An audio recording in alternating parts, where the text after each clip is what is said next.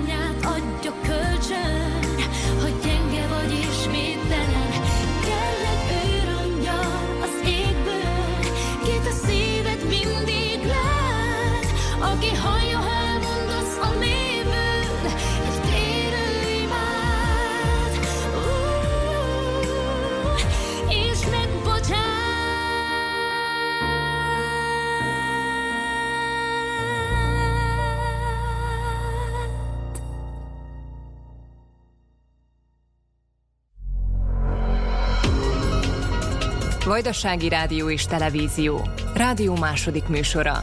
Választások 2023.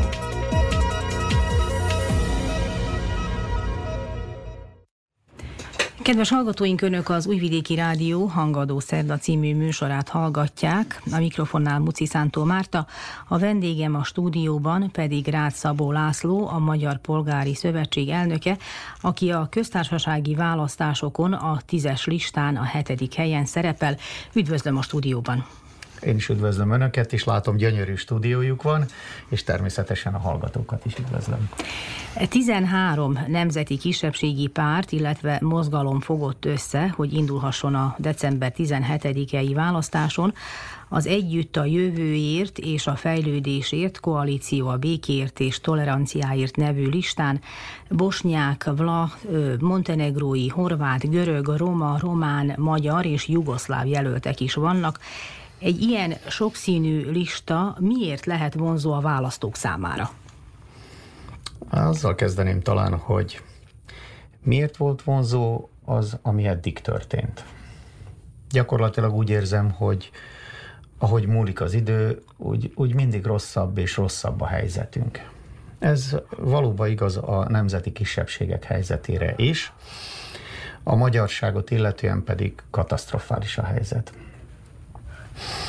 Ezt csak szeretném bevezetni ezzel azt, hogy miért vonzó. Hát azért, mert jobbat akar. Mert más, nem az, ami eddig volt. Ugyanis, ha valami nem jó, azt meg kell változtatni, és a változás az természetesen legyen jobb. Mit értek én ez alatt? Tehát mi az, ami, ami rossz volt eddig? Hát rossz volt az, hogy ö, hadd mondjak el néhány adatot, talán érdekes lesz a hallgatók számára.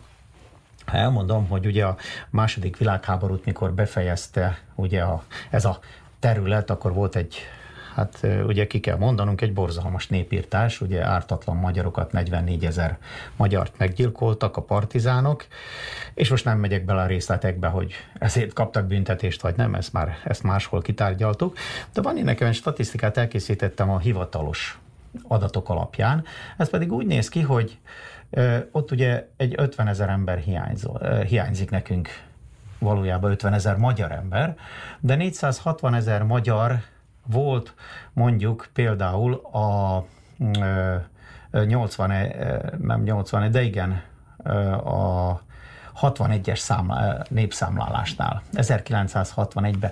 Ez azt jelenti, hogy megnőtt a magyarság száma, oda, odáig nőtt, ez a, ugye a titói jugoszláv időszakra vonatkozik.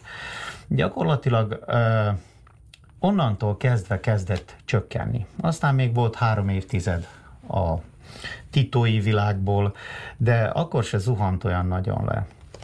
Most a részleteket nem sorolnám el, de ugye aztán jött a polgárháború, a polgárháború elvitt 50 ezer magyar embert. Azért ez egy borzalmas szám viszonyítva mondjuk egy fél millióshoz, tehát ha összességében összeállnánk, mi a második világháborút fél millió délvidéki magyarral fejeztük be. Ehhez viszonyítva az, hogy ma van 184 ezer magyar ezen a területen, azért gondolkodjunk el rajta, ez mekkora veszteség. Százalék arányban ez 60 ennyi, annyi százalék. Most nem menjünk bele a részletekbe, lehet a 70-et közelíti, amit elveszítettünk. Mindebből következően, és azért még egy adatot hadd tegyek hozzá, hogy éppen a békeidőben, amikor elvileg a legjobb körülmények között élhetnénk, akkor veszítettünk 70 ezer embert. És ez a nagy kérdés, hogy vajon miért, hiszen Magyarországról én gondolom a kedves hallgatók tudják, hogy Magyarország, és én úgy szoktam mondani, Magyarország adófizető polgára, ő a mi barátunk, ugye a testvéreink, 360 millió eurót fektettek bele a mi életünkbe, azért, hogy nekünk jobb legyen. E felett pedig még egy sok, sok pénzt kaptunk az, azért, hogy felújítsuk az iskoláinkat, a templomainkat. Ugye sose ne adjuk a templomot és az iskolát. Ez egy régi mondás, Vas Albert mondása. És érdekes módon akkor hogyan történhetett meg, hogy a történelem során ekkor veszítettük el a legtöbb magyart, 70 ezer magyart veszítettünk 11 év alatt. És mit kellene tenni?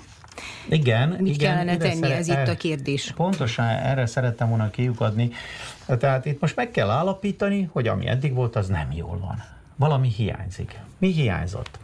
Nekünk megvolt az óriási lehetőségünk. 360 millió, ha valaki egyszer belegondol, ez azt jelenti, hogy ahányan vagy, ha 200 ezer magyar lenne itt, akkor mindenkinek járna 2000, a csecsemőnek is 2000 euró, hogyha csak szétosztották. Nem javasolom, hogy szétosztok, de nem ez a lényeg. Csak a nagyságrendet érezze meg valaki, hogy egy minden család, négy tagú család kapott volna 8000 eurót. Ez is segítség, de ugye másképp kell ezt rendezni. És nem ez történt, hanem szinte észrevehetetlen, hogy hová lett, hová tűnt ez a 360 millió. Miért vándorolnak hát az emberek? Ezt azért nem mondanám, hogy észrevehetetlen, azért igenis láthatjuk, hogy fölújulnak a, az iskolák, épültek új intézmények, az nem ebből, a templomok. Nem ebből készül. Tehát az egy külön pénz. Most az előbb már említettem, az nem ebből van. A 360 millió az arra volt, hogy ugye persze van látszata, vettek traktorokat a az prosperitátira gondolt most, földeket, igen, igen. házakat, stb. Voltak, igen, ez, akik munkahelyet ez, is kaptak ezáltal hát igen, talán. És most rátértünk a lényegre. Miért vándorolnak el az emberek? A legtöbb nem azért, hogy jobban éljen, hanem mert itt nem tudott megélni. Ezért mennek el a magyarok.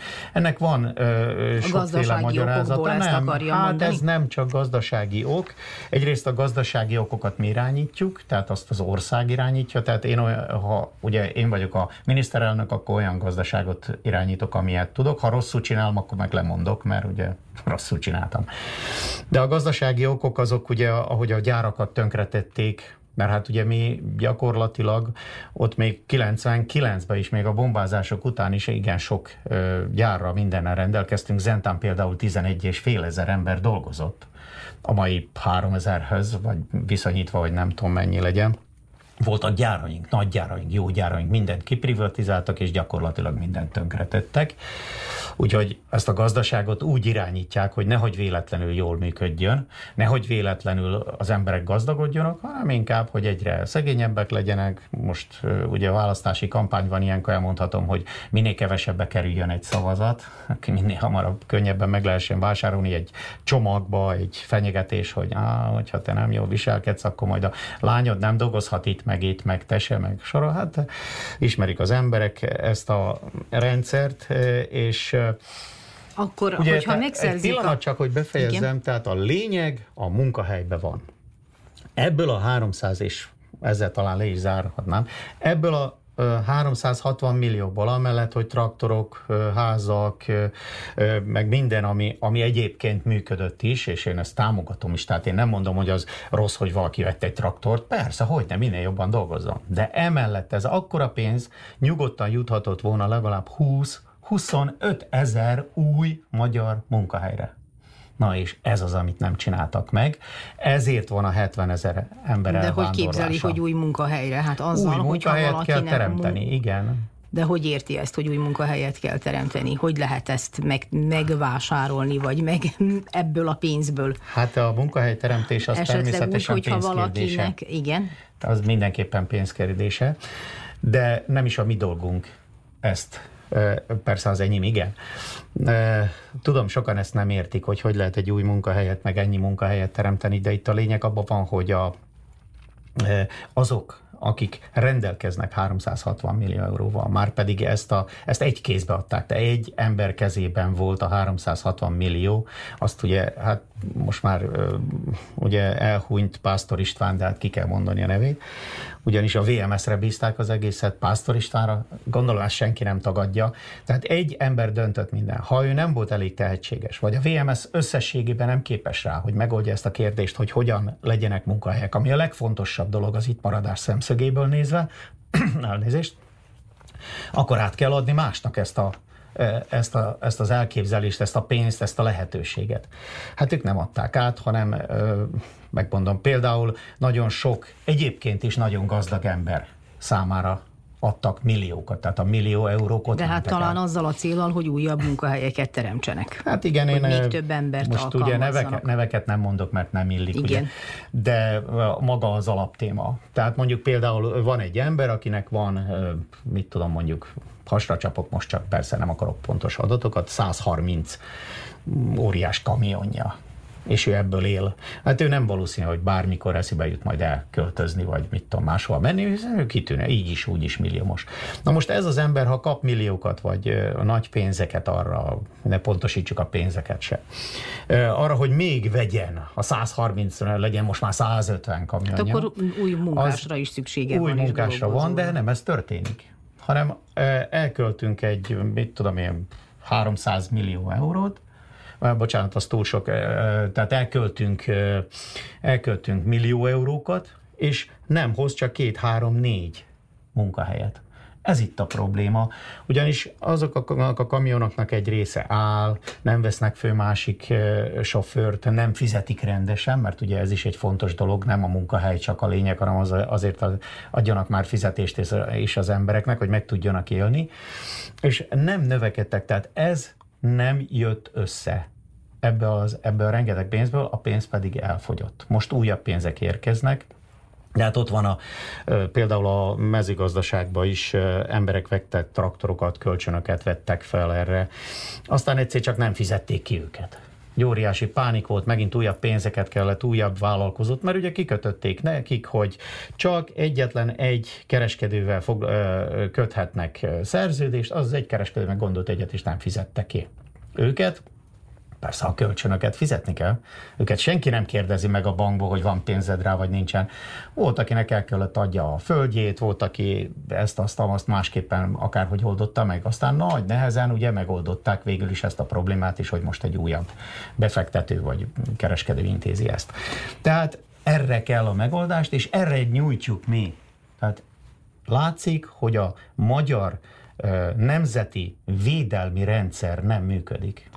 De akkor egy ilyen sokszínű koalícióban hogy lehet a magyar érdekeket megvalósítani?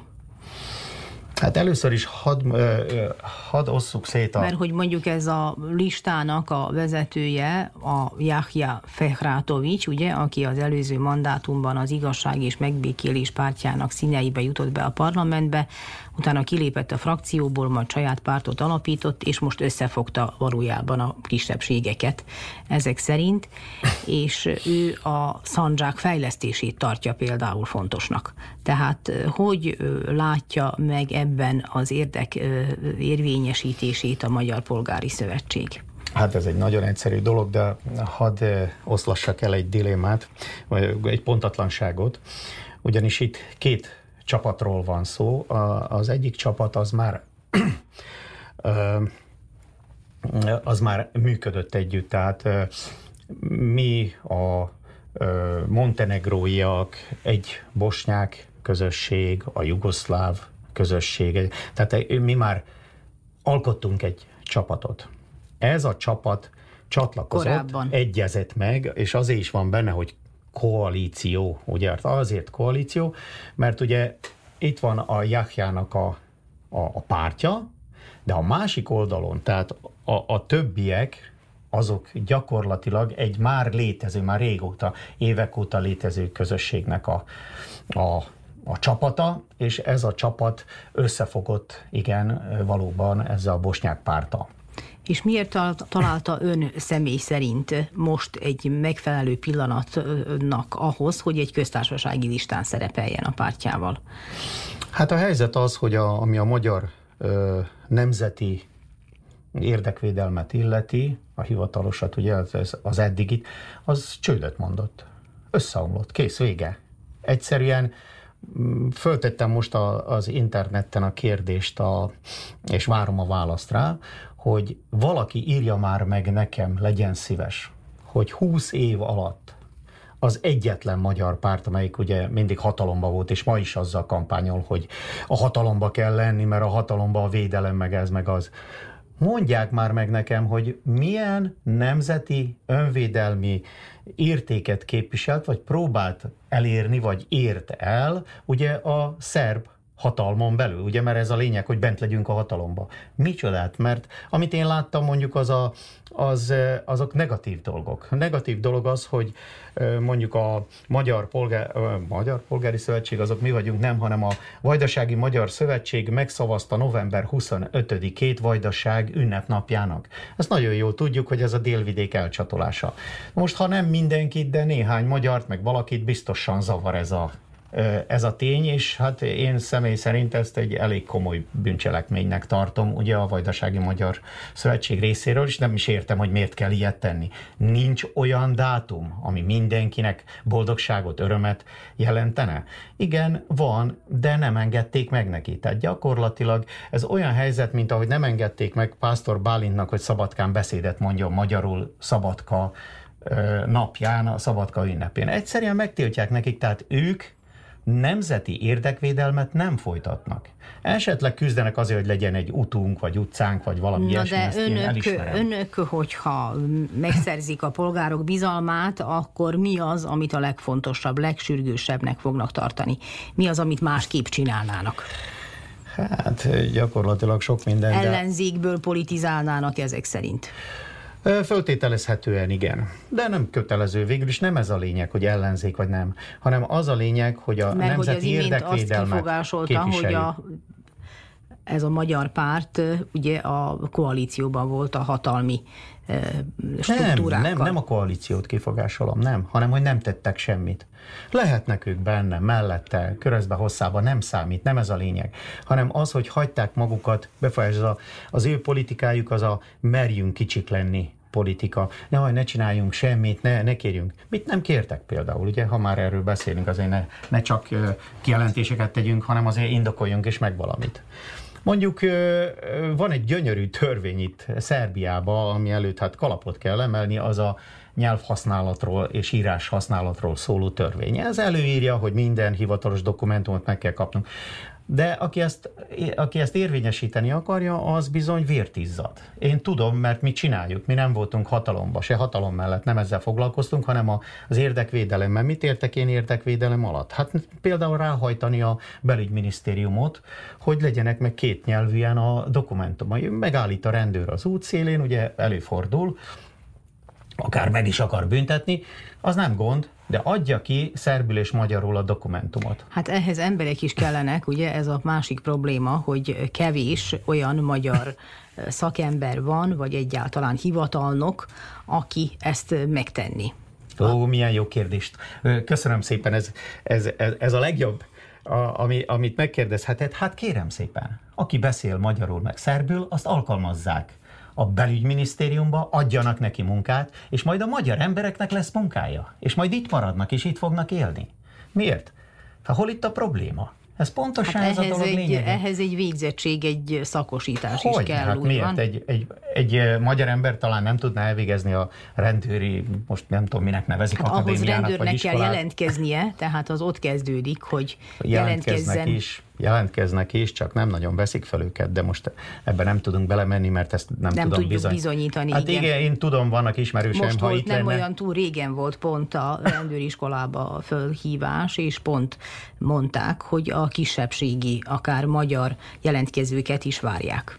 Tudom, de személyes tapasztalatom ez igaz nem most volt, hanem jó néhány évvel ezelőtt, hogy az egyik közeli ismerősöm jelentkezett, egy nagyon jóvágású, hát legalább száz 80 ennyi, annyi centi magas, de jó, jó, jó tagba szakadt gyerek, egyetemet, ugye középiskolája megvolt, egyetemet elkezdte, és akkor gondolt arra, hogy elmegy, akkor tudom én, megpróbálja, hát ha abból meg tudnak majd élni. És egyszer csak a vizsgálatokon kiderült, hogy így nem alkalmas, úgy nem alkalmas, ez se jó, az se jó. Az egészségügyi vizsgálat mindenféle csúnya dolgokat mutatott ki, aztán elment, megvizsgáltatta magát. Nem találtak nála semmi ilyen, mert szinte megijedt attól, amit kapott. Nem akarják fölvenni őket. Ez a nagy igazság félnek attól, hogy kisebbségiek kerüljenek oda, de ettől függetlenül van ott a, a belügyben más munka is, nem csak rendőri munka, mit tudom, az igazolvány kiadási osztályon, a, az útlevél osztályon, a, a közlekedésügyi osztályon. Van hely, miért nem vesznek föl oda embereket? De hát nem csak a rendőrségben, hanem ugyanígy például Zentán, ha jól tudom, a a munka közvetítő, mi úgy mondjuk, biztos tudja mindenki, miről Igen. beszélek. Egy magyar ember sincsen. Egy se. Egy szál se. Ott minden anyag szernyelvű. Hogyan lenne e, nem diszkriminálva egy magyar ember, hogyha ő csak cirilbetűs fölhívásokat kap, meg, meg az utasítások, meg a reklámanyagok, minden cirilbetűs, semmi. Azt mind kötelesek lennének lefordítani. Mi például elértük azt, hogy a vízlecsapolási végzést, ugye, ami most nagy téma, 14-ben már megnyertük a bírósági pert, hogy azt ki kellett volna adni magyar nyelven. Aki nem fizette, ránk hallgatott, volt olyan, hogy a néhány ezer eurót spórolt meg ezzel, mert nem volt köteles fizetni. Ugyanez a helyzet akkor is, ha a rendőr megállít. Azért, meg mert hogy nem volt két nyelvű? Így van. Törvénytelen eljárásra nem lehet törvényes mit tudom én, mondjuk büntetést vagy, vagy ítéletet hozni. Ezt gondolom mindenki érti, hogy miről És van most két nyelvű? De Öt kap, kapnak? Soha. Zentán? Soha. Inkább lelövik magukat. De, hogy hát eszük ágában sincsen, sőt, most már hogy meg, lehetne ezt akkor elérni? Szüntetni. Hogy lehetne ezt elérni akkor? Hogy érnék ezt el? Hát mi úgy érjük el, például a végrehajtóknál úgy értük el, például a vízlecsapolásnál, vagy akár a, mm, mondjuk a televízió előfizetésnél, hogy követeljük magyar nyelven, nem adják ki, akkor nem fizetjük. Én például nem fizettem a televízió előfizetést, nem fizetek adót Zentá nem fizetek adót, mert ott nem adják ki magyar nyelven a hiteles dokumentumot, csak mellé tesznek egy ilyen kvázi fordítást. Az nem elég, nem. Annak van jelzése, ugye azok a bárkódok, egyebek, akkor hiteles. Ha nem hiteles a, a dokumentum, nem vagyok köteles figyelembe venni. Már pedig a nyelvhasználati törvény ezt előírja. Én csak egy dolgot igazából nem értek, hogy a magyar emberek miért nem élnek ezzel a csodás el a magyar emberek, hogy ne fizessék adót, Pontosan. ne fizessenek adót Írnak. és vízlecsapolási díjat. Pontos, hát én soha nem fizettem. Soha nem fizettem, mert nem adták ki magyar nyelven. És akkor bírósági úton Semmi, próbálta ezt? Semmit. Nem, nem kaptam egy felszólítást, nem kaptam semmit a világon. Az adó öt év alatt elévül, a mondjuk az ilyen járulék kérdése, mondjuk hát a televízió, nem. rádió mhm. előfizetés járulék kérdése, az meg egy év alatt, 12 hónap alatt elévül. De ez a lényeg nem is annyira az a fontos, hogy most fizetjük, vagy nem, mert kifizetem miért ne fizetném ki? De ez egy ellenállás, ez egy, ez egy harc a nemzeti jogainkért, hogy betartsák, hogy komolyan vegyék a saját törvényüket. Egyébként nem én hoztam ezt a törvényt. Nem veszik komolyan Szerbia a saját törvényeit. Hogyan akar az Európai Unióba menni? Mi azzal, hogy ezt követeljük, hogy harcolunk ez ellen. Mi gyakorlatilag azért harcolunk, hogy az Európai Unió elfogadja Szerbiát. Mert előbb-utóbb, ha eleget harcolunk, akkor kénytelenek lesznek komolyan venni a saját törvényeiket. Lassan lejár a beszélgetésre szánt idő. Még egy utolsó kérdés, hogy mi az, amit üzen a választóknak? Hát én azt üzenem a választóknak, hogy gyakorlatilag a mi csapatunkban van a megoldás, mert ezek az emberek komoly, harcos, és mindegyik nemzeti kisebbséghez tartozik. Minden nemzeti kisebbség ugyan abban a cipőben jár. Ami nekem problémám van Zentán, ugyanaz van Szandzsákba egy muszlimnak, ugyanaz a gondja és baja van. Ami ö, nekem szükséges, az neki is szükséges.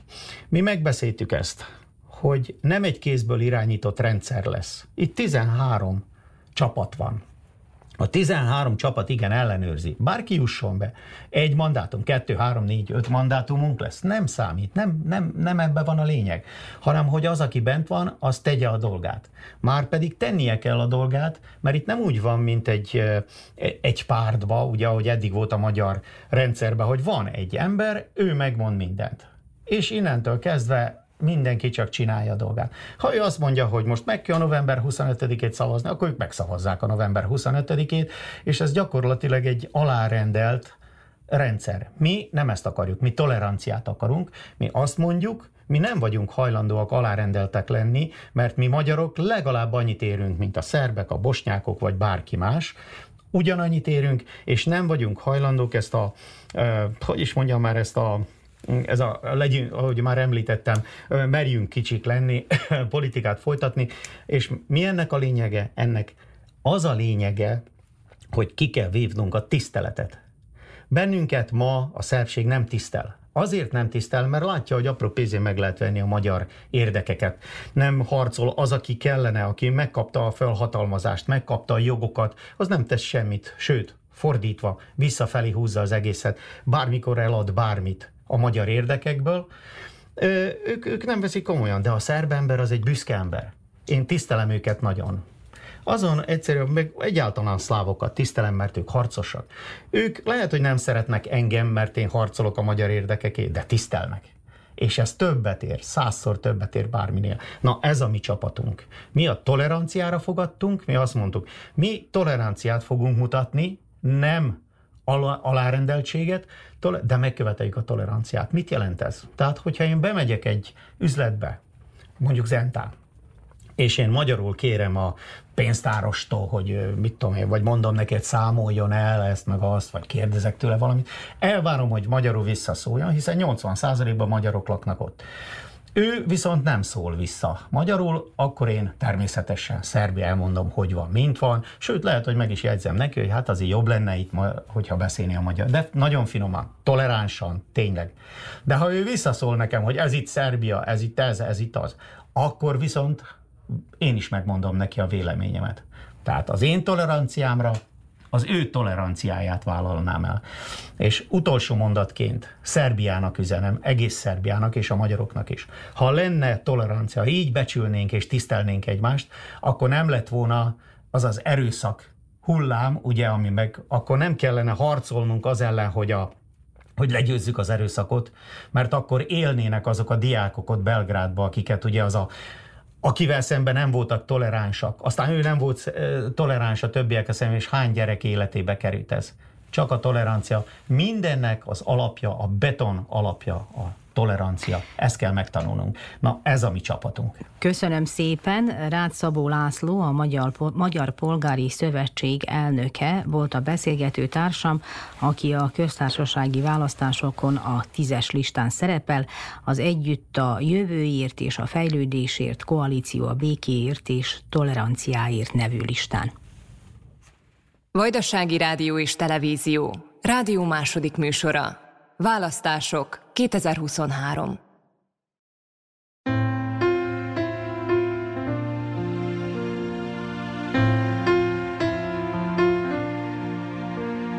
Bármilyen nap sodor, bármilyen csend felé, csak neked mondhatom el, ha rám figyelsz.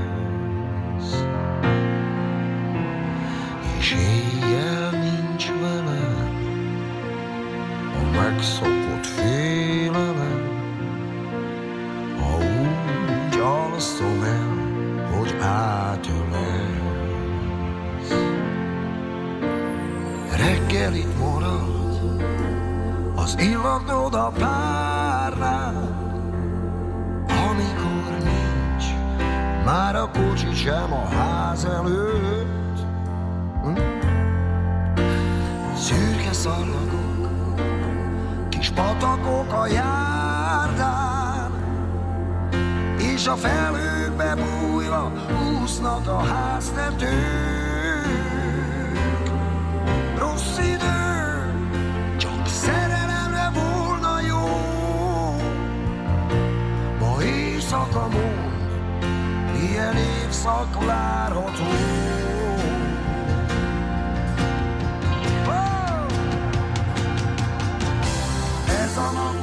Nap többször úgy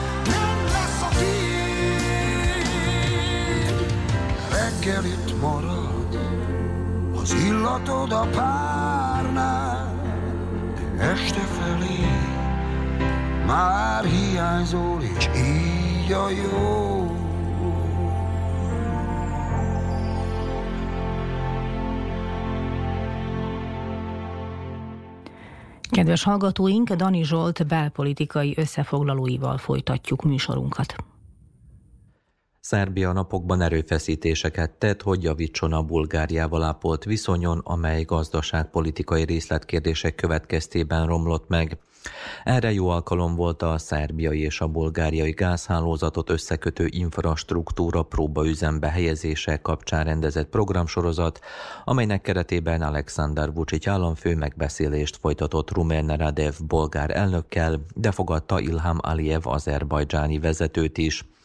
Mint ismeretes országunk jelentős mennyiségű gáz vásárlásáról állapodott meg a kaukázusi állammal, az energiahordozó pedig éppen a most megnyílt összekötő vezetéken keresztül érkezik majd, a jövőben pedig a görögországi kikötőkbe érkező cseppfolyósított gáz vásárlására is lehetőség nyílik.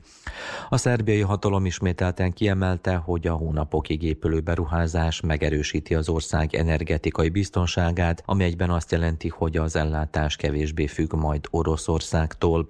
A Nis Dimitrovgrad Bulgária interkonnektor építését az Európai Unió közel 50 millió euróval támogatta. A megmaradt pénzt kölcsönből és költségvetési forrásokból biztosították. A dél-szerbiai létesítmény átadását követően Vucic vendégül látta az azeri kormányfőt is, akivel közösen megtekintette a Nisben rendezett hadászati bemutatót. Ezen több hazai fejlesztésű eszközt vonultattak fel, de a katonaság különleges egységei is gyakorlatot tartottak. A köztársasági elnök bejelentése szerint a hadsereg jövőre kezdi meg használni a szintén hazai fejlesztésű harcászati drónokat. A Nisi találkozót követően pedig az a hír is napvilágot látott, miszerint Bulgária mégsem vezet be további gáztranzit díjakat. Az erre vonatkozó tervek bejelentésekor a térségben az energiahordozó további drágulásától tartottak. Az energiaügyi tárca bejelentése szerint a Magyarországgal való egyeztetéseken egyetértettek abban, hogy az uniós szabályozás nem teszi lehetővé a plusz tarifák bevezetését, így a kérdésről az energetikai közösség és az Európai Bizottság is értesült. Az egyes országokkal való viszony fejlesztését az elmúlt időszakban viszont ellensúlyozza az Európai Unió és az Egyesült Államok álláspontja. Christopher Hill, Amerika belgrádi nagykövete egy brüsszeli konferencián kiemelte, hogy Washington segíteni próbálja Belgrád uniós felzárkózását, de az ezzel kapcsolatos döntéseket Szerbia polgárai és az unió szervei hozzák meg. Hill rámutatott, hogy az unió által felvázolt térségbeli célok egyben amerikai célok is. A diplomata viszont arra emlékeztetett, hogy jelenleg még komoly ellentétek léteznek Szerbia és az unió külpolitikája között. Az amerikai nagykövet elismerte, hogy ez az állapot egy hosszabb ideje létező politika eredménye, amely meglátása szerint lassan változni kezd. A napokban véleményezést tett közzé az Európa Tanács korrupció ellenes testülete. Ez szerint Szerbia elfogadható módon hajtotta végre a nemzetközi szakértők által tett javaslatok nagy részét. Ez szerint Belgrád a 13 pontból 11-et teljesített. A jelentés közzétételével lezárul a szerbiai korrupció felügyeletének negyedik fázisa. A folyamatot 2015-ben indították. A szakértőket tömörítő hazai civil szféra képviselői viszont nem értenek egyet az Európa Tanács véleményezésével. A Birodi szervezet a Nemzetközi Korrupció ellenes harc napja alkalmából kiemelte. Országunkban a jelenség elleni harc leginkább a külföldről javasolt szabályozás elfogadásában merül ki, a későbbiekben viszont nem alkalmazzák a törvényeket. Hozzáteszik, hogy a korrupció ellenes ügynökség vezetőinek a megválasztása sem transzparens folyamat, és senkit sem vonnak felelősségre az illetékes intézmények alacsony hatékonysága miatt sem, üzenték. Szerbiában továbbra sem sikerült lezárni az állami intézményeket érő hamis bombariadók témáját. A belügyi tárca arról értesítette a kormányt, hogy az elkövetők elleni átfogó nyomozás keretében több szerbiai és legkevesebb egy külföldi állampolgárt azonosítottak, akiket többek között pánikkeltéssel gyanúsítanak. A belügyi és az oktatási tárca pedig új cselekvési protokollt dolgoz ki ilyen esetekre. A nyomozás ellenére a héten is több oktatási intézményt kellett kiüríteni, mint ismeretes korábban több alkalommal közlekedési csomópontoknál és médiaházoknál is bombariadót jelentettek, de a hatóságok nem találtak robbanó szerkezetet. Közben felmerült az a forgatókönyv is, miszerint a felelősek a választás napján is hamis bejelentéseket tesznek, a közéletben pedig az erre való megfelelő reakciókról is vita alakult ki. Az Európai Unió csúcs találkozójára megírt előzetes záradékjavaslatba hivatalosan is belekerült az a felszólítás, miszerint Brüsszel Szerbia integrációs folyamatát a koszovói kérdéssel kapcsolatos egyezmények végrehajtásához kötné. A dokumentum egyben arra szólítja fel Belgrádot és Pristinát, hogy teljesítsék a viszonyrendezési folyamat során vállalt kötelezettségeket. A sajtóképviselői betekintést nyertek a záradékba, amely kötelezettségként említi a viszonyrendezést, ezért Belgrád és Pristina is az előrehaladás leállását kockáztatja azzal, ha nem teljesíti az elvárásokat. Miroslav Lajcsák uniós külön megbízott pedig a felek képviselőivel való új tárgyalási forduló előkészítésén dolgozik, amelynek keretében várhatóan a közvetítők ismét csak külön-külön egyeztetnek a szerb és a koszovói szakértőkkel. A politikus kiemelte, hogy világos célok nélkül nem számíthatnak sikerre, egyben arra szólított fel, hogy még az uniós szintű választások előtt kerüljön sor áttörésre. Lajcsákkal minap asztalhoz ült Petár Petkovicsal a kormány Koszovó ügyi irodájának vezetőivel is, aki nem meglepő módon elsődlegesen a szerb autonómia létrehozásának a szükségességét emelte ki. Alexander Vucic államfő közben elégedettségének adott hangot, amiért a koszovói áramszolgáltató és az északon működő elektroszever megállapodást írt alá, Elmondása szerint a dokumentum biztosítja az ottani szerb közösség áramellátását, miközben többnyire nem tér ki az energetikai infrastruktúra feletti tulajdonjogra. Miroslav Lajcsak is fontos lépésnek nevezte a szerződést, de ő sem közölt további részleteket annak tartalmáról. Szerbia minap ismét szembesült a Törökországgal ápolt viszony összetettségével, hiszen a két oldalú kapcsolatok fejlődnek, de jelentős álláspont különbségek léteznek Koszovót illetően. Recep Tayyip Erdogan török elnök azt ígérte Pristinának, hogy Ankara a jövőben is folytatja Koszovó nemzetközi elismerését támogató erőfeszítéseit, ami szerinte hozzájárul a térség békéjéhez és stabilitásához. Vucic elnök ezzel kapcsolatban elismerte, hogy a kijelentés kihívást jelent Belgrád számára. További politikai kihívások is várhatóak, hiszen továbbra sem teremtődtek meg az előfeltételek az észak-koszovói községekben várható előrehozott helyi választások megtartására.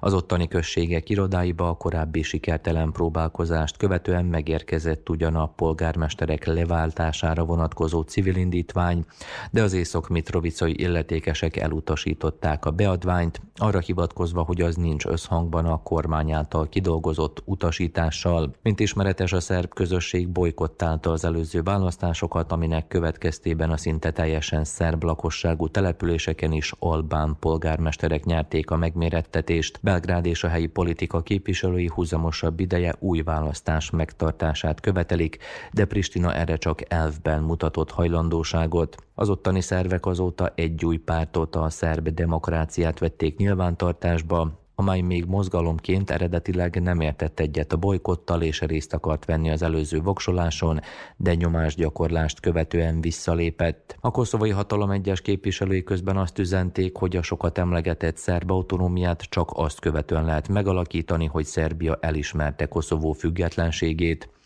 Egyben azt üzenték az Európai Uniónak, hogy nincs jogában meghatározni a szerb községek közösségének a statútumát. A Koszovóban kormányzó önrendelkezés mozgalom frakció vezetője szerint a nyugat által kidolgozott autonómia javaslat szövegét akár módosíthatják is, mert nem engedhetik meg maguknak, hogy Koszovóban a hatalom harmadik síkja alakuljon ki. Albin Kurti koszovai kormányfő közben szerb nyelven közzétett felvételen szólt az ottani kisebbségi közösséghez, azt állítva, hogy egyre többen igényelnek koszovói útlevelet, és több ezren már az ottani hatóságoknál jegyeztették be járműveiket. A pristinai kabinet közben több kihívással is szembesül. Egyes civil intézetek elemzése szerint a központi hatalom azoknak a községeknek juttatott több pénzt a költségvetésből, amelyekben képviselőik vannak többségben. Ezzel párhuzamosan ismét a koszovói rendőrség különleges egységei tartottak tüntetést, amelyen jobb munkakörülményeket követeltek. A koszovai különleges ügyészség pedig arról tájékoztatott, hogy eddig 33 háborús bűnökkel kapcsolatos vádat emelt, amelyek 89 személyt érintenek. Hozzáteszik, hogy a legtöbb vádlott szerb nemzetiségű és Szerbia területén tartózkodik, ezért nem elérhető az ottani hatóságok számára. Az ottani alkotmánybíróság pedig törvényesnek ítélte a 2019-ben letartóztatott és elítélt Zorán Gyokics elleni háborús bűnökre vonatkozó ítéletet.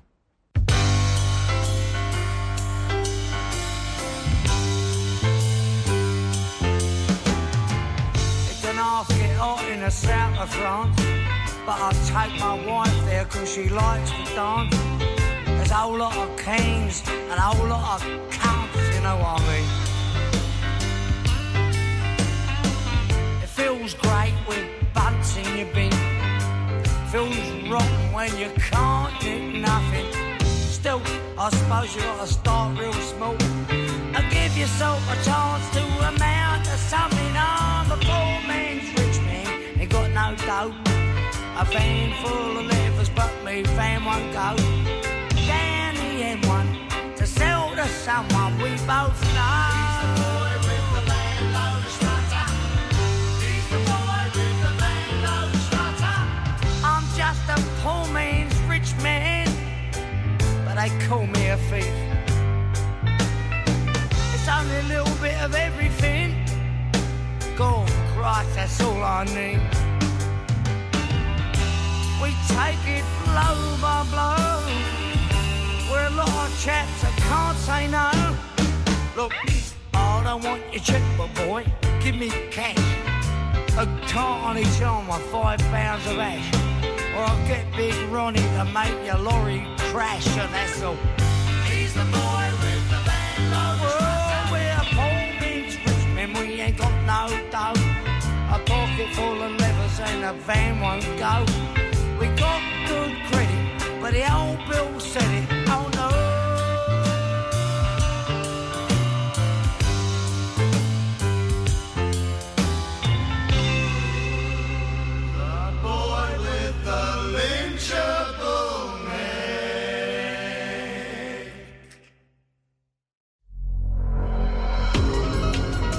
Vajdasági Rádió és Televízió. Rádió második műsora. Választások 2023.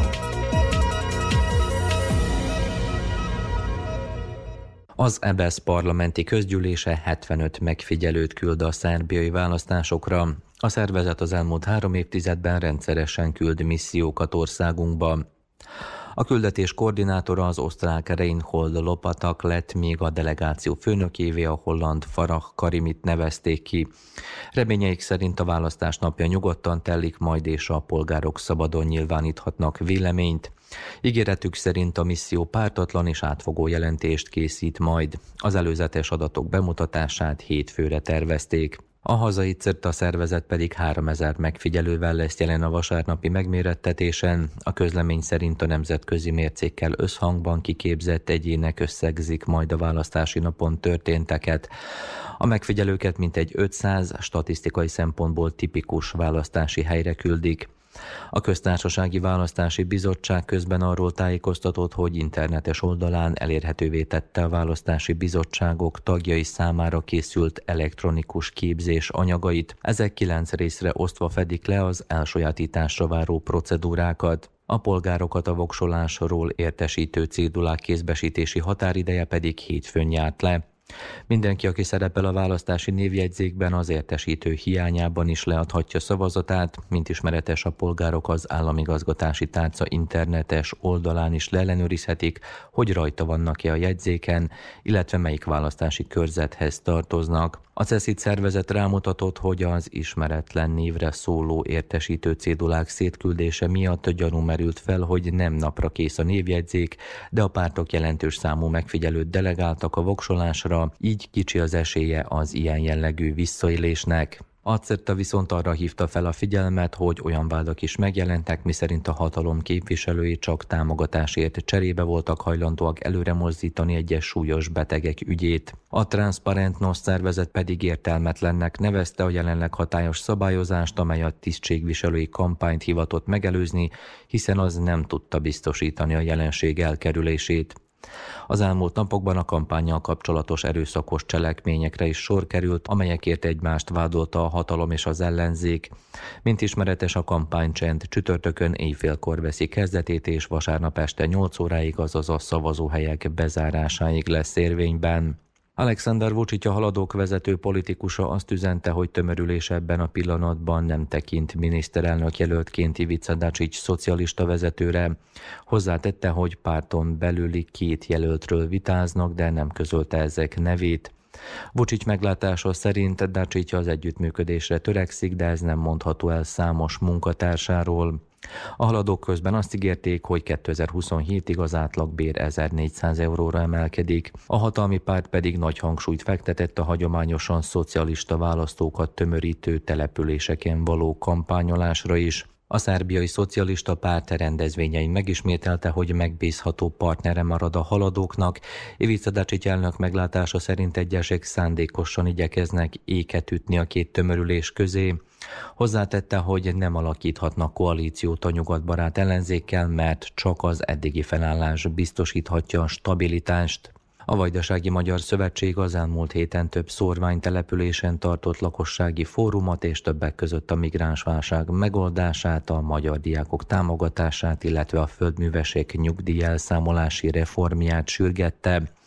A párt kampányát újvidéken támogatta Gulyás Gergely magyar miniszterelnökséget vezető miniszter is. A Szerbia az Erőszak ellen párt szövetség az este tartotta meg záró rendezvényét. A fővárosi felvonuláson azt üzenték, hogy megkezdődtek a változások. A koalíció állítása szerint a választási bizottság nem reagál a visszaélésekre, ezért fellépésre szólították fel az ügyészséget. A lista vezetői szerint a hatalomváltáshoz elegendő lesz, hogy a korábbinál 5%-kal több polgár menjen el szavazni.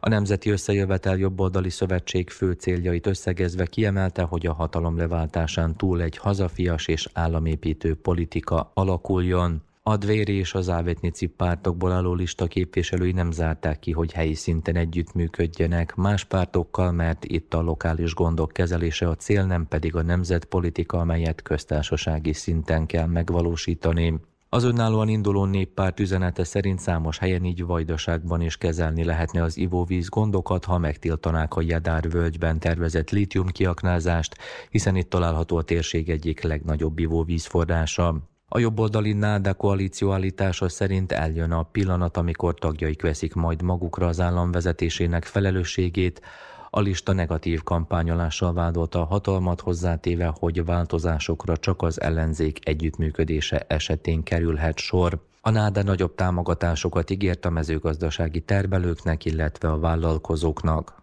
Vajdasági Rádió és Televízió. Rádió második műsora. Választások 2023. Thank you.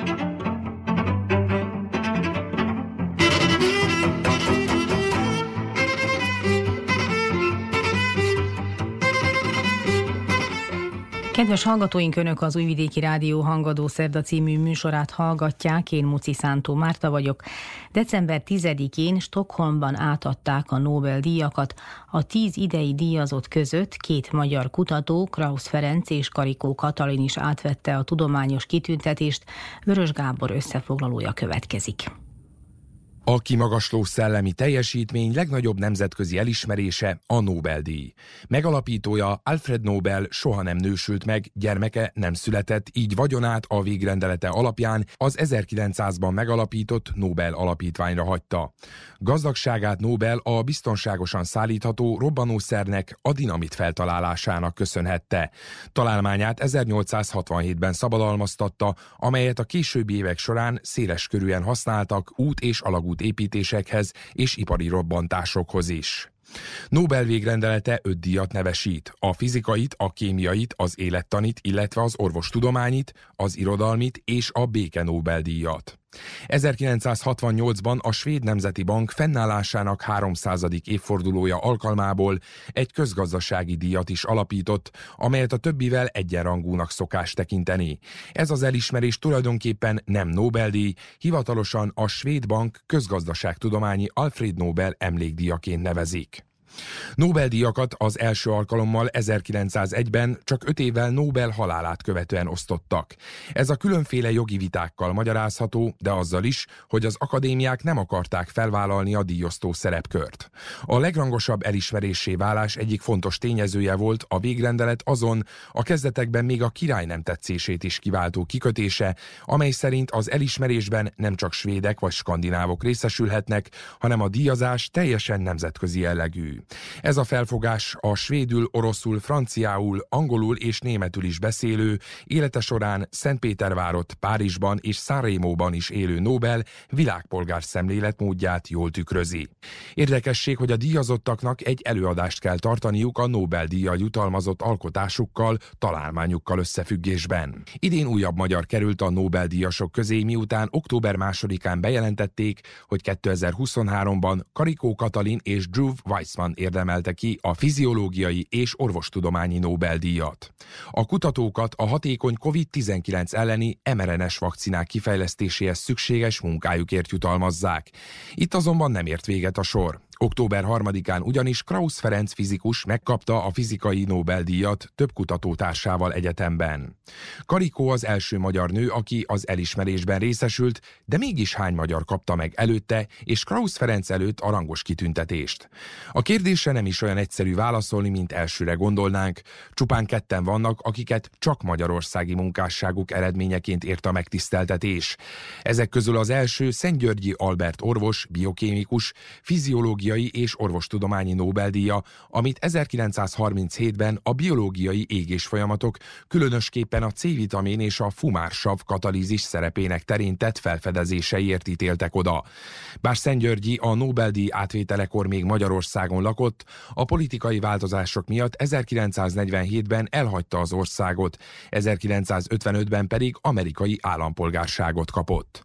A második Kertész Imre irodalmi Nobel-díja, amit a sorstalanság szerzőjeként 2002-ben kapott írói munkásságáért, amely az egyén sérülékeny tapasztalatának szószólója a történelem barbár önkényével szemben.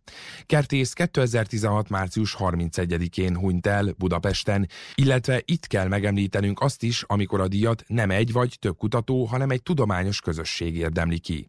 A Nobel békedíjat 2007-ben az ENSZ klímaváltozással foglalkozó kormányközi bizottsága, az IPCC kapta. Az elismerésben részesülő tanulmány elkészítésében több magyar szakember is nagyobb részt vállalt, úgy mint Jászai Tamás, Nováki Béla, Somogyi Zoltán, Tóth Ferenc és Ürge Forsac Diana. Akadt kilenc olyan díjazott is, akik Magyarországon születtek, a szüleik is magyarok, az anyanyelvük is az, ám eredményeiket külföldön értékel. Más országok állampolgáraiként és a világ közvéleménye számára legfeljebb idegen csengésű nevük utal arra, hogy esetleg nem született németek, angolok vagy amerikaiak.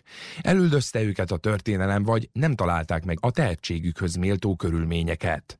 Közéjük tartozik Karikó Katalin is, aki az Egyesült Államokban végzett kutatásaival érdemelte ki az elismerését.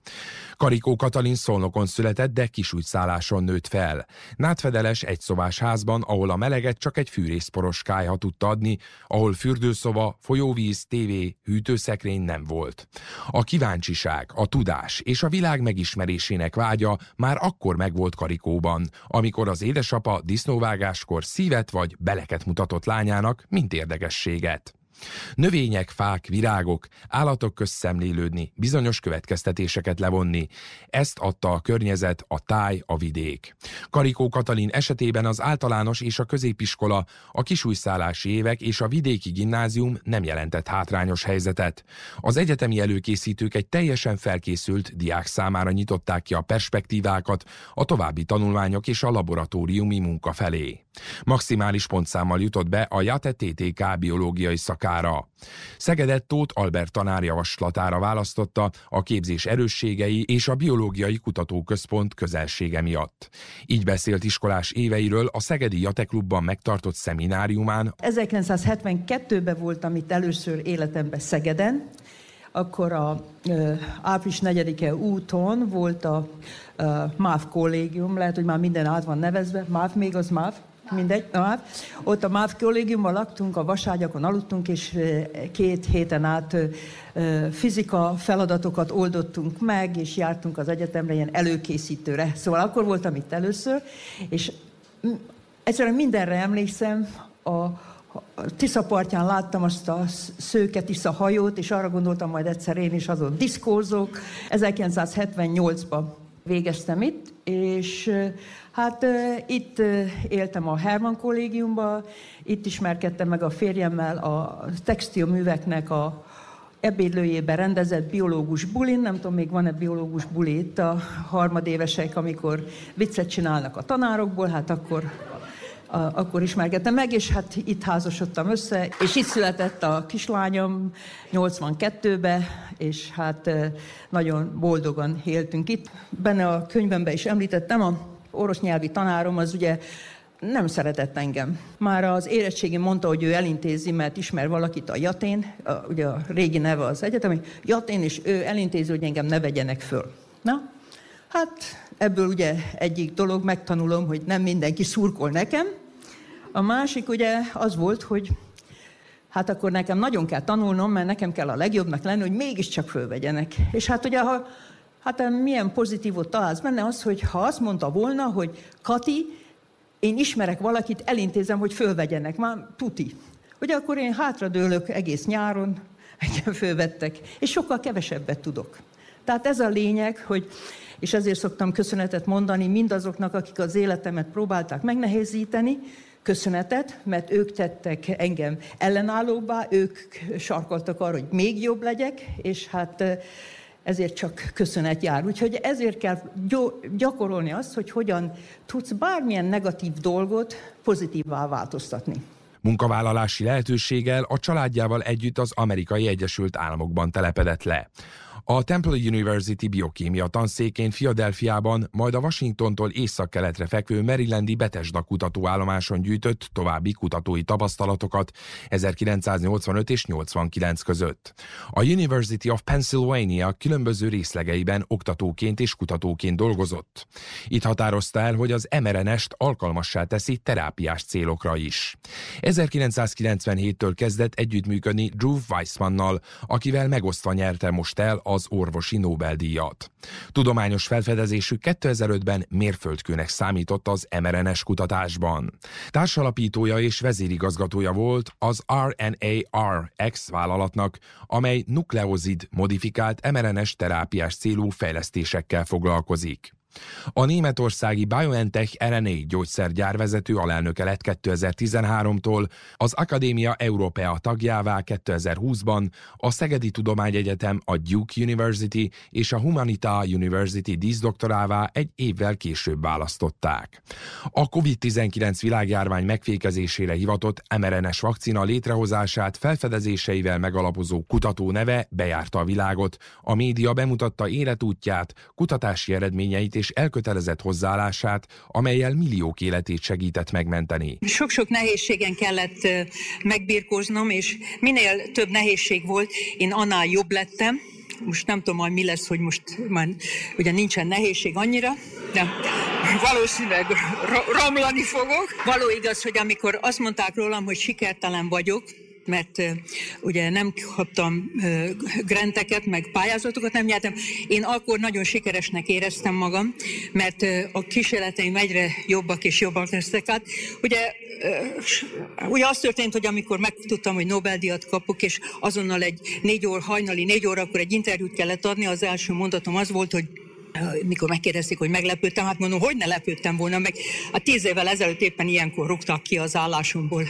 És hát ugye most ugye az egyetemet egy kicsit cikizik is, ugye emiatt, de hát megpróbálom ezt is valami pozitívba fordítani, és arra fölhívni a figyelmet, hogy, hogy azokat az embereket, akik körülöttünk vannak, akik közel dolgozunk velük, együtt dolgozunk, és tudjuk, hogy, hogy azok nagyon okosak, ügyesek, valamit próbálnak, hogy tessék segíteni őket, és ugye én is arra akarom rá felhívni a figyelmet, hogy az én két kollégám, ugye akik 24 éven át ott valamilyen módon asszisztáltak engem, hogy ennek következtében nem vesztem el, és hát ugye ők is ott lesznek a díjátadón, mert segítettek, és ennek ők meg is itták a levét. A Nobel-díjat megelőzte számtalan orvosi kitüntetés is, melynek zömét 2020 után a világjárvány során folytatott harcában érdemelt ki a kutatási eredményeivel. A Pfizer forradalmian új mRNS alapú vakcinája leginkább az ő kutatásai alapján készült el a Covid-járvány alatt. Krausz Ferenc Móri születésű magyar fizikus. 1985-ben párhuzamosan szerzett villamosmérnöki oklevelet a Műegyetemen és fizikusi diplomát az ELTE TTK-n. Kutatómunkáját a Budapesti Műszaki Egyetem Fizika Intézetében kezdte Bakos József irányítása alatt a lézerfizika területén. Doktori fokozatát már a Bécsi Műszaki Egyetemen szerezte 1991-ben, ahol később docensként, majd professzorként is dolgozott. 2003-ban a németországi Garchingban található Max Planck Kvantumoptikai Intézet igazgatójává nevezték ki. Emellett 2004 óta a Müncheni Ludwig Maximilians Egyetem kísérleti fizika tanszékének vezetője is. 2007 óta a Magyar Tudományos Akadémia külső tagja. Már az 1990-es évek elején érdeklődésének középpontjába került a térben és időben egyre kisebb méretek vizsgálata ultrarövid időtartalmú fényimpulzusok felhasználásával. Ennek eredményeként a világon az első attoszekundumos fényimpulzusokat Krausz Ferenc csoportja állította elő és mérte meg a 2000-es évek elején. Ezzel Krausz először végezhetett valós idejű megfigyeléseket az elektronok mozgásáról atomi léptékben. Azóta az általa kidolgozott technikát felhasználták számos atom- és molekulafizikai folyamat, például a fotoionizáció időfüggésének vizsgálatában. Erről is beszélt abban az interjúban, amit Magyarország kormányának weboldalán publikáltak. Ezek az impulzusok nap, naponta ott vannak a mi laboratóriumunkban, és produkáljuk őket napról napra, ugyanakkor nem tudtunk kísérleti bizonyítékot szolgáltatni arról, hogy ezek az impulzusok tényleg ennyire rövidek. Tehát ez tartott további öt évig hogyha, hogyha ezen a csapat, aki ezen dolgozott, nem teljes fókuszálásra dolgozik, akkor ez az öt év lehetett volna tíz év is. Úgyhogy ez rendkívül fontos. A szakértelmen túl az elhivatottság és a készség arra, hogy arra fókuszáljunk, ami a lényeg. Mozgó objektumok mozgásának a követéséhez egy, egy, egy gyors kamerára van szükségünk, amely, amely képes éles pillanatképeket készíteni a mozgásról, például, hogy egy Forma 1-es autó áthalad a célvonalon, akkor, akkor hogyha azt pontosan követni akarjuk, akkor, akkor egy olyan kamerával van szükségünk, aminek rendkívül rövid az explózíciós ideje, azzal tudunk éles pillanatfelvételeket készíteni, és ebből a ezen pillanatfelvételek sorozatából össze tudjuk rakni, hogy az a, az a Forma 1-es autó hogyan haladt át a célvonalon. Tulajdonképpen ugyanezt a, ugyanezt a koncepciót használjuk fel a természetben az atommagokon kívül eh, előforduló leggyorsabb mozgások követésére, még pedig az elektronok mozgásának a követésére. Eh, pillanatfelvételeket készítünk róluk, és ebből rakjuk össze a azt, hogy hogyan folyt le a, a mozgás. A gyakorlatban ennek nagyon sok szerteágazó alkalmazása lesz, ugyanis az elektronok azok, azok mindenhol ott vannak, tehát gyakorlatilag az anyagnak nincsen olyan formája, ahol az elektronok ne játszanának főszerepet. Két, két rövid példa, elektronika elektronika az annyira, annyira teljesítőképes, amilyen gyorsan tudunk kibekapcsolni elektromos áramot. Minél gyorsabban tudunk kibekapcsolni elektromos áramot, annál nagyobb teljesítőképességű egy számítógép és minden egyéb elektronikai eszköz. Jelenleg a mai modern eszközökbe elektromos áramot a nanoszekundum tört részén belül tudunk kibe ugyanakkor az attoszekundumos méréstechnika segítségével laboratóriumi körülmények között megmutattuk azt, hogy a fény elektromos terével százezerszer gyorsabban is kibe lehet kapcsolni elektromos áramot. A feladat most abban állna, hogy, hogy azokat a koncepciókat, amiket laborméretekbe demonstráltunk, hogy működnek, tehát ez a rendkívül gyors kibekapcsolása az elektromos áramnak, százezerszer gyorsabb, mint a, mint, a, mint a leggyorsabb komputerekben, ezt meg tudjuk valósítani a gyakorlatban a nanoskálán. Ha ez sikerül, akkor a mai komputerek teljesítő képessége százezerszer. A másik nagy, nagyon nagy alkalmazás az, amit a magyar kormánynak, Palkovics korábbi miniszter úrnak és Csák miniszter úrnak köszönhetően, illetőleg a magyar kormány hatatos támogatásának köszönhetően Magyarországon most már három éve tudunk végezni, a CMF projekt a mintapéldája, azok az orvosi alkalmazások, ultrarövid, infravörös fényimpulzusokkal átvilágítunk vérmintákat, a vérmintába a molekulák reszkésbe jönnek, a infravörös fényimpulzus megvilágításnak köszönhetően, ezek a rezgések újból infravörös hullámokat bocsátanak ki, amit attoszekundumos méréstechnika segítségével, nagy érzékenységgel le tudunk tapogatni, meg tudunk mérni. Ezek a jelek rendkívüli mennyiségű információt szolgáltatnak arról, hogy a vér molekuláris összetétele pillanatnyilag hogy néz ki ez a, ez a molekuláris összetétele a vérnek, ez, ez alapvetően függ az egészségügyi állapottól, hogyha egy betegség elkezd kialakulni, akkor ez a molekuláris összetétel változik.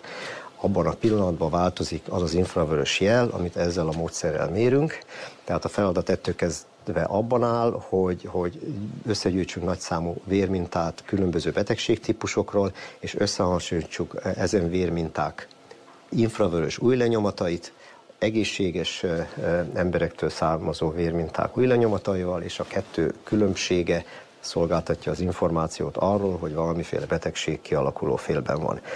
Ilyen jellegű kísérleteket, illetőleg vizsgálatokat elkezdtünk 8 évvel ezelőtt Münchenben, és időközben 8 különféle rákos megbetegedésre vonatkozóan sikerült megállapítani, hogy a módszer alapvetően érzékeny ezekre, tehát gyakorlatilag mindenféle rákos megbetegedés, amit eddig néztünk, a módszer érzékeny.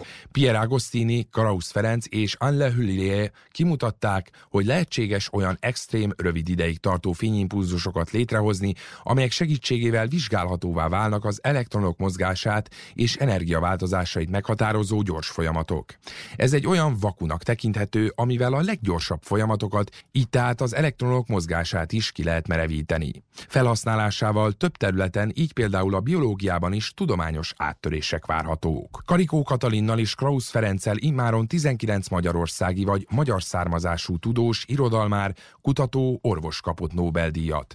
Legutóbb 2020-ban Louis Glück, magyar származású amerikai költő kapott az irodalmi munkásságáért járó medaljont. Az irodalmi Nobel-díjra idén két magyar esélyes is volt, legalábbis a fogadó irodák várakozása szerint. Krasznahorkai László és Nádas Péter évek óta ennek az elismerésnek a várományosa, azonban idén John Foss norvégíró kapta ezt a kitüntetést. A kémiai Nobel-díjat Mungi Bavendi, Alexei Ivanovics Jekimov, Louise Bruce, a békedíjat az iráni származású újságírónő és emberjogi aktivista Narges Mohammadi, a közgazdasági Nobel-díj pedig a Harvard Egyetem professzorát Claudia Dale Goldint illeti. A Nobel békedíj kivételével melyet Norvégia fővárosában, Oszlóban adnak át, az összes többi díjat a Svéd Királyi Tudományos Akadémián adják át az elismerésben részesülteknek.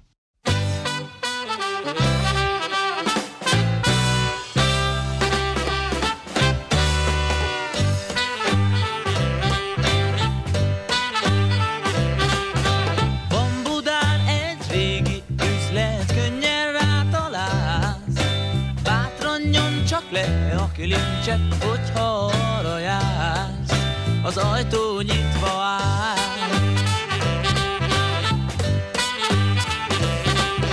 Egy kis szobában sok régi emlék, mind-mind arra vár, hogy valaki majd felfedi a titkát, mit rég magába zár. Sok-sok éve már.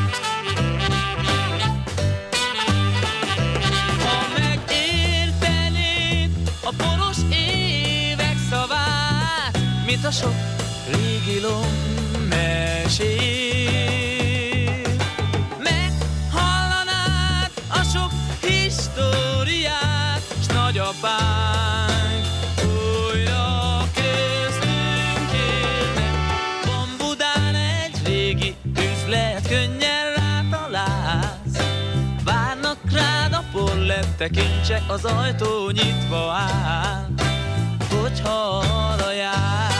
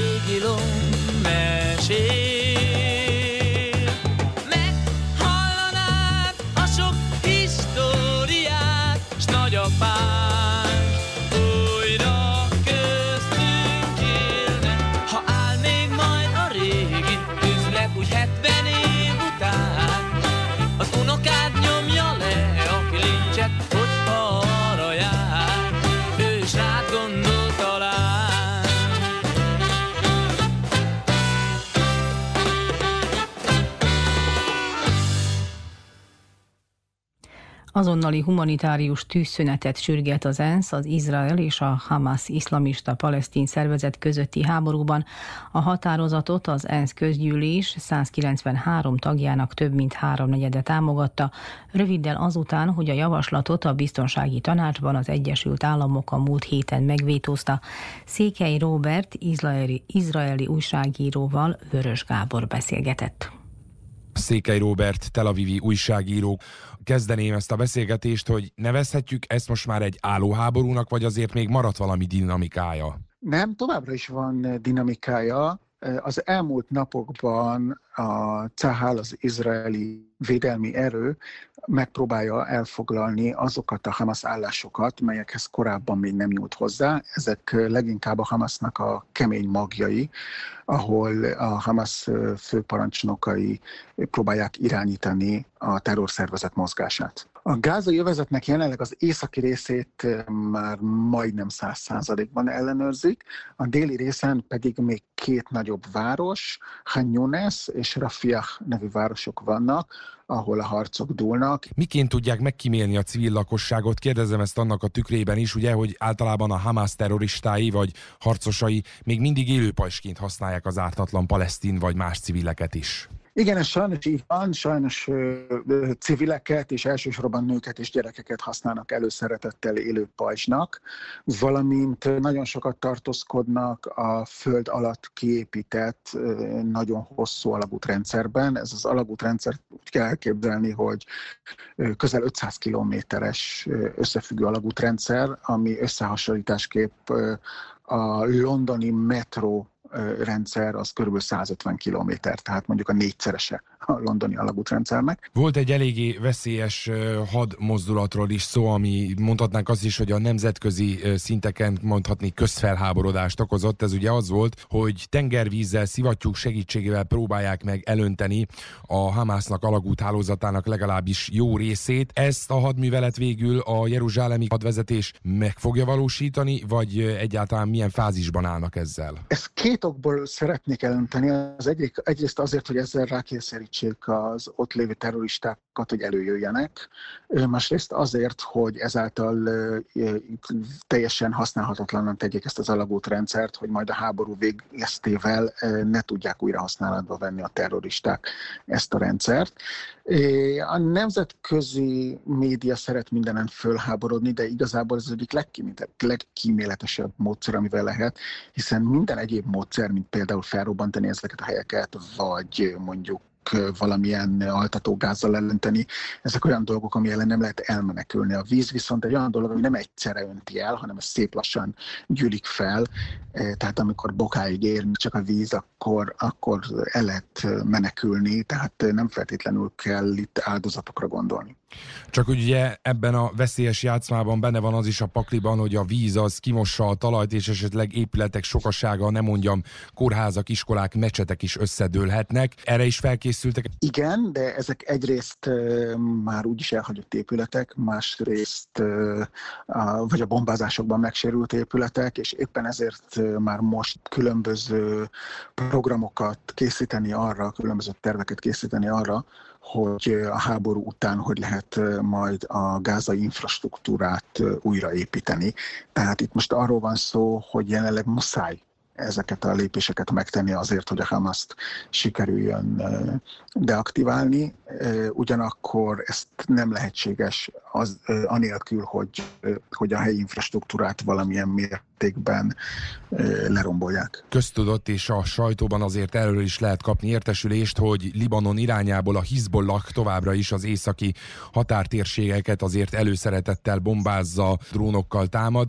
Mi most a helyzet, illetve Libanonon kívül más irányból esetleg történtek-e már azóta támadások, esetleg merekelett az izraeli védelmi erőknek visszavágniuk? Igen, tehát Libanonnal most éppen, illetve a Hizbollahal éppen az a helyzet, hogy egy már ilyen ismert játék, politikai játékban vesz részt mind a két fél, ami abból áll, hogy a Hizbollah nem akarja azt mondani a Hamasnak, hogy nem támogatja a Hamaszt, ezért lő mindenféle gránátokat, tankelhárító rakétákat és kisebb hatótávolságú rakétákat Izrael felé, de általában vigyázza arra, hogy ezek ne okozzanak nagyobb kárt, és főleg ne okozzanak kárt a civil lakosságban. Cserébe az izraeli légierő is, amikor támad, akkor általában olyan területeket lő, ahol tudja, hogy nincs civil lakosság, és ugyanúgy a károkat egy bizonyos szint alatt tartja. Tehát ez egy ilyen, egy ilyen játék a Hezbollah oldaláról, hogy oké, okay, oké, okay, mi részt veszünk ebben a háborúban, mert muszáj azt mutatnunk a Hamasnak, hogy mi részt veszünk ebbe, ugyanakkor mi igazából nem akarjuk ezt eszkalálni, nem akarunk egy totális háborút indítani most Izraellel, ezért nem lépünk túl egy bizonyos szintet, ami esetleg begyújthatná a teljes háborús eszkalációt.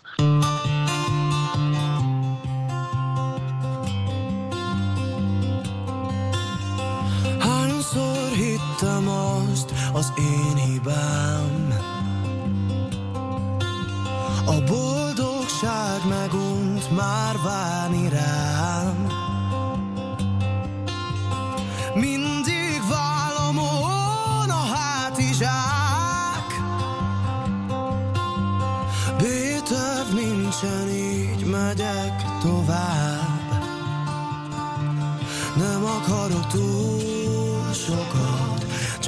Csak követem az álmokat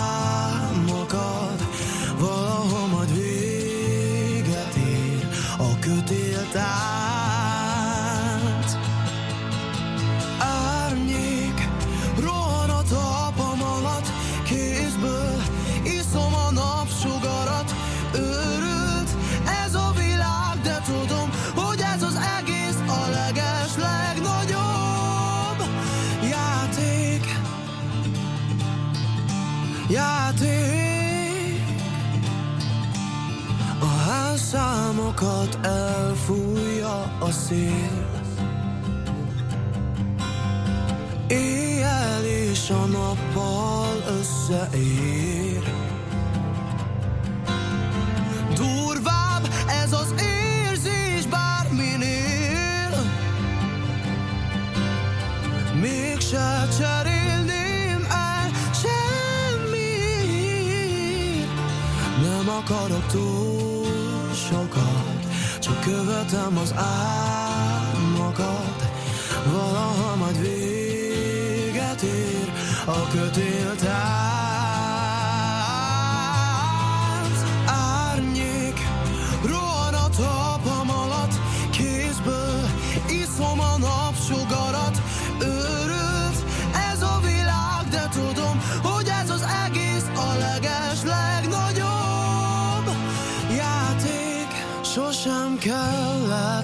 Szabály.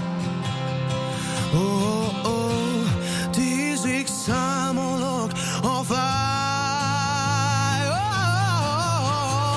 Árnyék, rohan a talpam alatt, kézből iszom a napsugarat.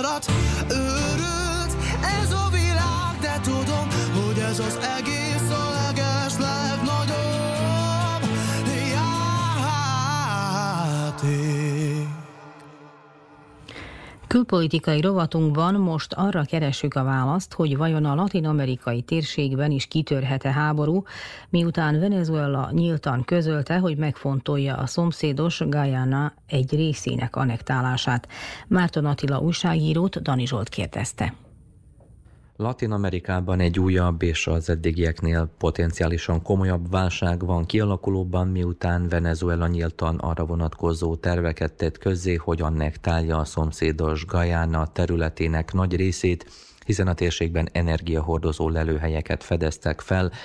Először is azt kérdezem Márton Attila újságírótól, hogy politikai síkon hol tart jelenleg a folyamat, Venezuela és Guyana beleegyezett abba, hogy a legmagasabb szinten találkoznak a képviselőik. Ez a hír a hétvégi kelt, és a találkozónak az időpontja december 14-e a Szent Vincent és Grenadin szigeteken. Azzal, hogy a hétvégén ezt még nem tudták megerősíteni, mármint hogy az időpontot. A házigazda közölte, hogy a találkozóra meghívták Brazília elnökét is. Brazíliának ugyanis nagyon hosszú határa van mindkét országgal, és a vitás területtel is. Előzőleg az ENSZ-hez fordult segítségért Guyana, miután a szomszédos Venezuela elnöke olyan lépéseket jelentett be, amelyek Guyana kétharmadának elfoglalását készítik elő. Erről a Guardian adott hírt. Guyana elnöke közölte, hogy beszélt az ENSZ főtitkárával és több ország vezetőjével, figyelmeztetve őket az aggasztó fejleményekre, és idézem Maduro, vagyis a venezuelai vezető kétségbeesett akciójára.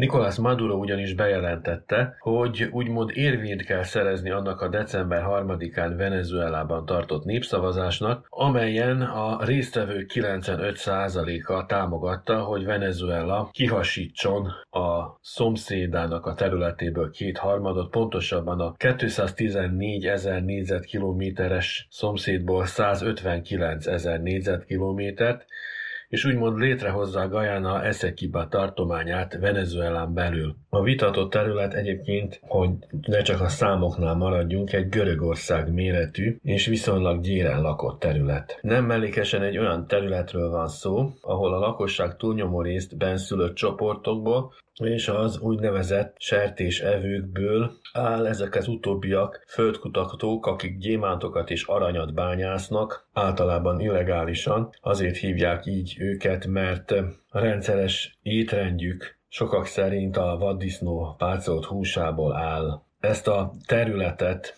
jelenleg sem igen kontrollálja a gajanai központi kormány, így Venezuelának alig ha lenne nagyobb esélye a kormányzásra, ugyanis egy rendkívül nehezen megközelíthető hegyvidéki domborzat része. Érdekes dolog, amikor az egyik országban arról tartanak népszavazást, hogy elfoglalja-e az az ország, vagy magához csatolja-e a másik ország területét. Ez a demokrácia eléggé sajátos felfogása, de hát Maduróról azt tudni kell, hogy ugye tíz éve van hatalmon. Szakértők szerint, hogyha szabad és tisztességes választásokat lehetne tartani az országban, akkor egészen biztosan elveszíteni azokat. Néhány évvel ezelőtt karhatalommal verette le az ellenzéki tüntetéseket. Egy időben úgy nézett ki, hogy Venezuelának úgymond két elnöke van, az ellenzék nem ismerte el a Maduro féle elnökséget. Azon kívül, hogy ennek a helyzetnek komoly aktuálpolitikai politikai vonzata van. Sokan azt mondják, hogy Maduro valójában azért keménykedik, mert így akarja. Tehát a nacionalizmust felkorbácsolva szeretne szavazatokat és támogatókat szerezni, lévén, hogy rosszul áll a népszerűsége az országban. Tehát ezen az aktuál politikai vonzaton kívül, tovább a világpolitikai vonzaton kívül, miszerint Venezuela és Nicaragua az a két latin-amerikai ország, amely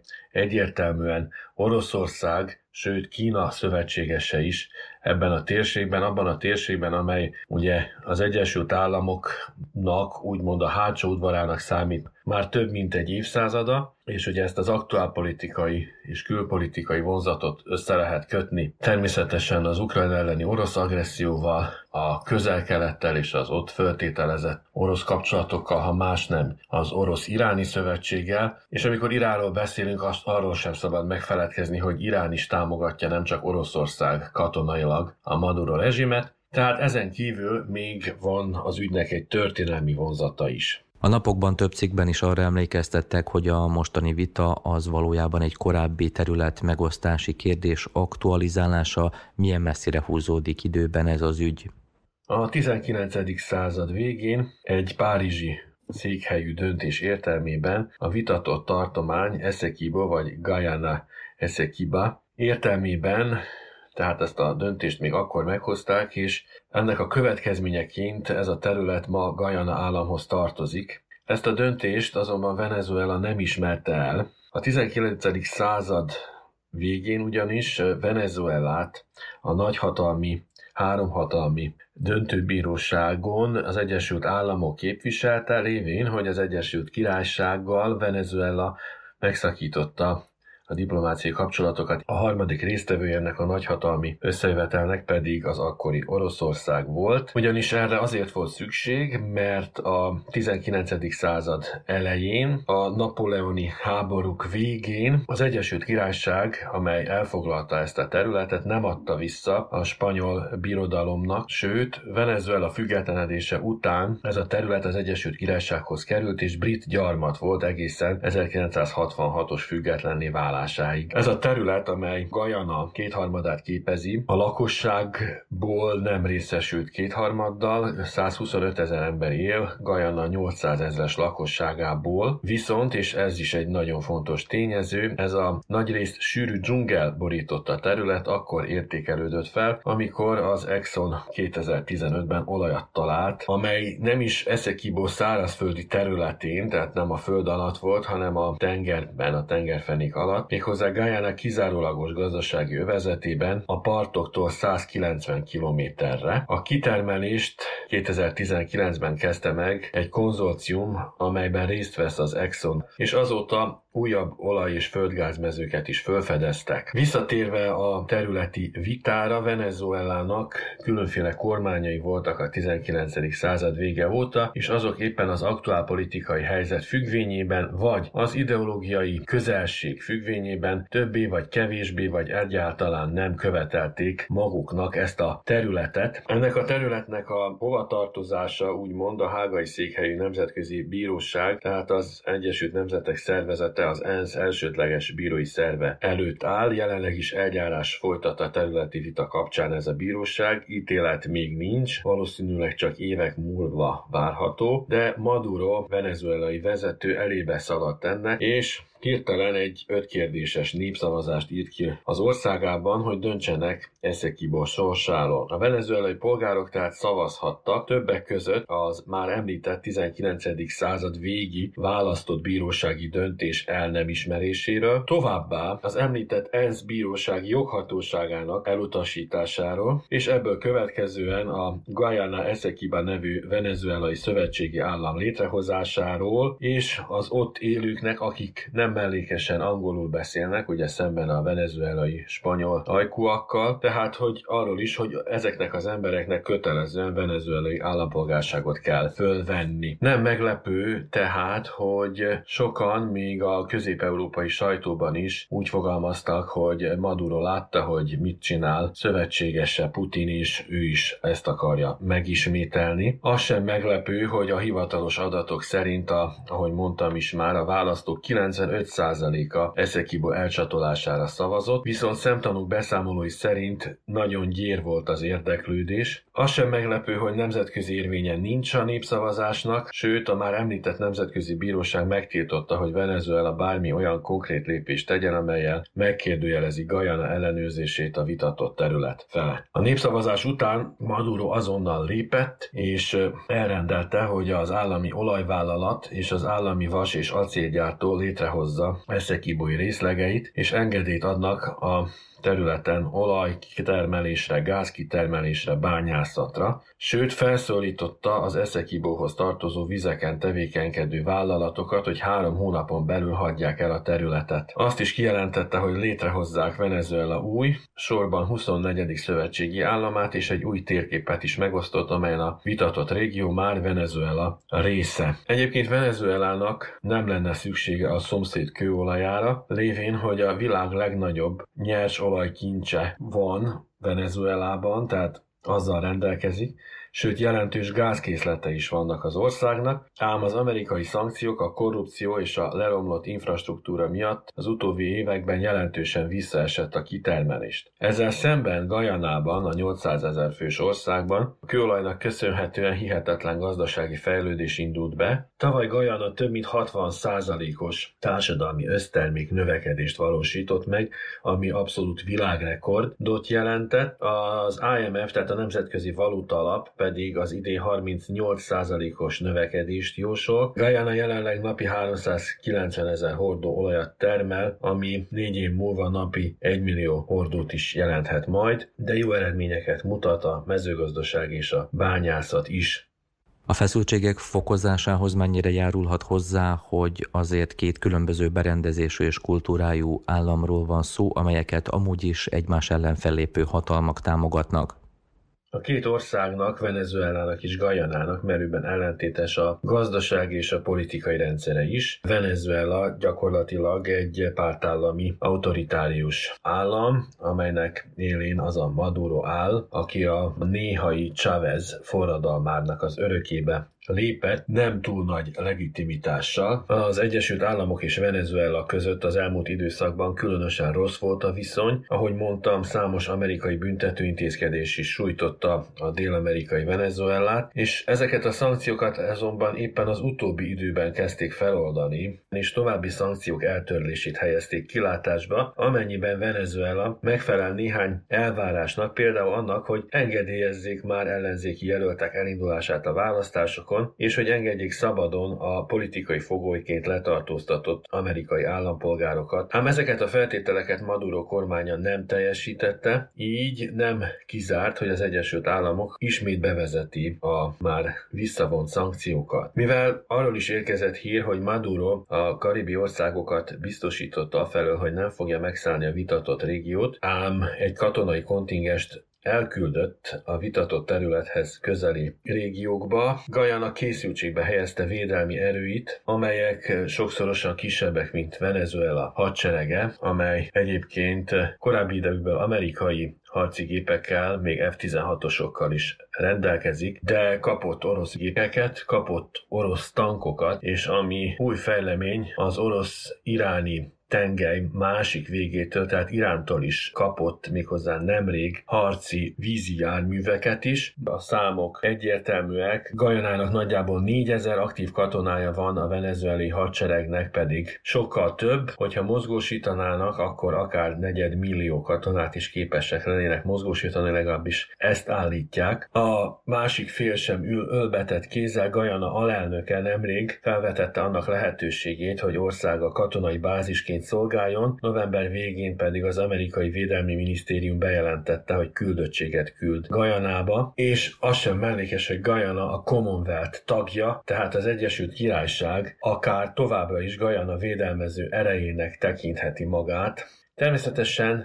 fölmerült az az opció is, hogy vajon Venezuela ezt magától találta-e ki, pontosabban Maduro magá, maga találta-e ki, vagy esetleg Moszkvából bíztatták ennek a lépésnek a megtételére, a válság elindítására, beindítására a világnak abban a részében, ugyanis Oroszországnak és Kínának igencsak megfelel, ha az Egyesült Államok figyelmét elterelik egyrészt a kelet-európai, tehát az Ukrajnában zajló háborúról, másrészt a közel-keleti háborúról, és nem utolsó sorban akár a csendes-óceáni térségről is, ahogy ahol Kína érdekelt.